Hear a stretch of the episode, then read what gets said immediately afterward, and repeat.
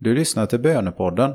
Varje fredag lägger vi upp ett nytt avsnitt av podcasten och du hittar den där poddar finns.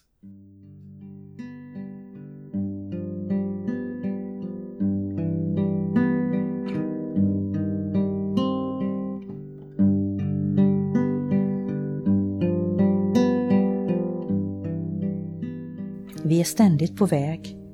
Kanske är du på väg någonstans just nu. Det viktiga är att ha en riktning. En väg som leder rätt. En väg som leder dig dit du ska. Men för ett kort ögonblick stanna upp och lyssna till Guds ord. Guds ord som vill leda dig rätt så att du hamnar på rätt väg och leder dit du ska.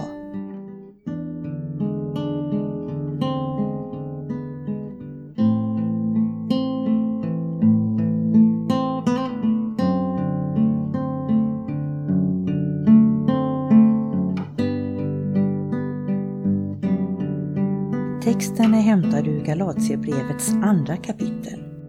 Vi vet att människan inte blir rättfärdig genom laggärningar, utan genom tron på Jesus Kristus. Därför har vi också satt vår tro till Kristus Jesus för att bli rättfärdiga genom tron på Kristus och inte genom laggärningar. Ty av laggärningar blir ingen människa rättfärdig. Men om vi under vår strävan att bli rättfärdiga genom Kristus skulle uppfattas som syndare, vi också, står då Kristus i syndens tjänst? Naturligtvis inte. Bara om jag återbygger upp detta som jag rivit ner gör jag mig till lagöverträdare. Jag har ju genom lagen dött bort från lagen för att leva för Gud. Jag har blivit korsfäst med Kristus. Men jag lever. Fast inte längre jag själv. Det är Kristus som lever i mig. Så långt jag ännu lever här i världen lever jag i tron på Guds son som har älskat mig och offrat sig för mig. Jag kastar inte bort Guds nåd. Om lagen kunde ge rättfärdighet hade ju Kristus inte behövt dö.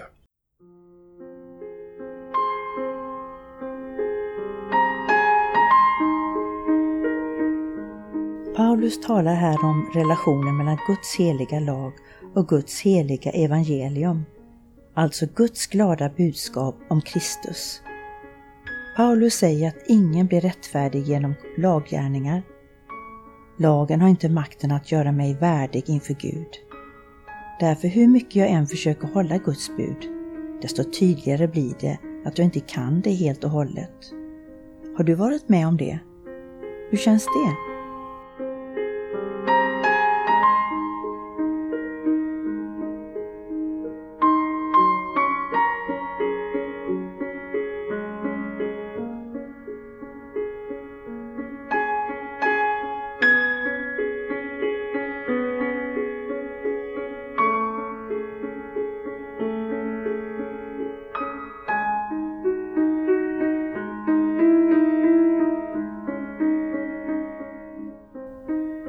Här kommer vi till kärnan av den kristna tron.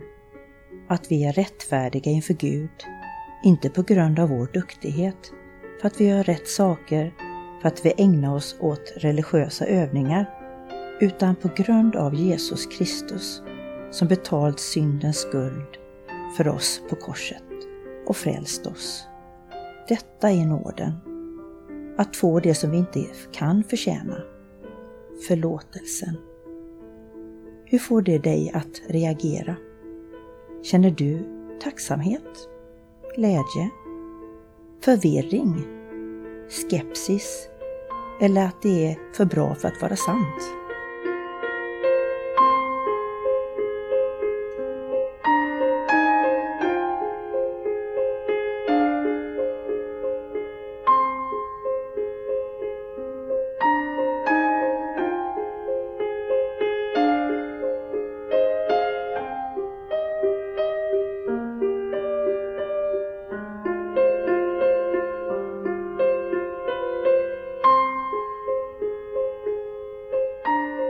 Paulus säger att han har blivit korsfäst med Kristus.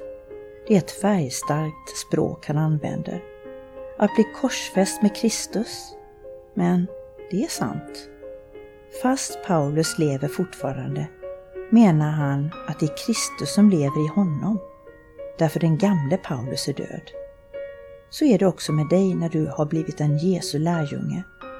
Också du kallas att dö bort från något i ditt liv, något som håller dig tillbaka, något som hindrar dig från att bli det du i Kristus är kallad till att vara. Så att Jesus Kristus får ta mer plats i dig. Vad skulle det vara?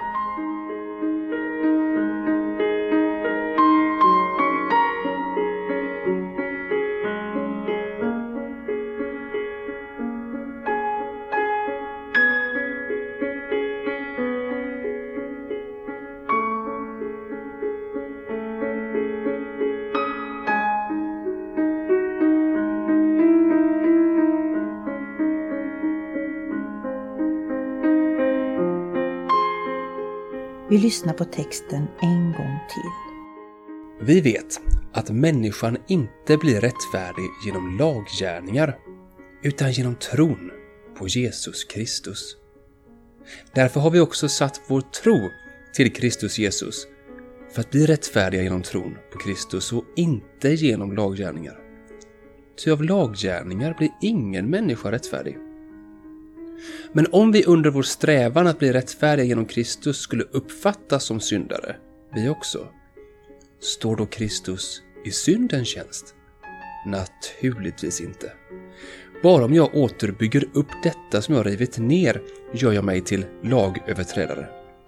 Jag har ju genom lagen dött bort från lagen för att leva för Gud. Jag har blivit korsfäst med Kristus. Men jag lever. Fast inte längre jag själv. Det är Kristus som lever i mig. Så långt jag ännu lever här i världen lever jag i tron på Guds son som har älskat mig och offrat sig för mig. Jag kastar inte bort Guds nåd. Om lagen kunde ge rättfärdighet hade ju Kristus inte behövt dö. Idag sträcks frälsningens hand ut till dig från korset. Idag är Guds dag. En dag som du kan göra något av tillsammans med Kristus. I de avslutande ögonblicken bara betrakta den korsfäste Kristus och se vad han, inte du, vad han har gjort för dig.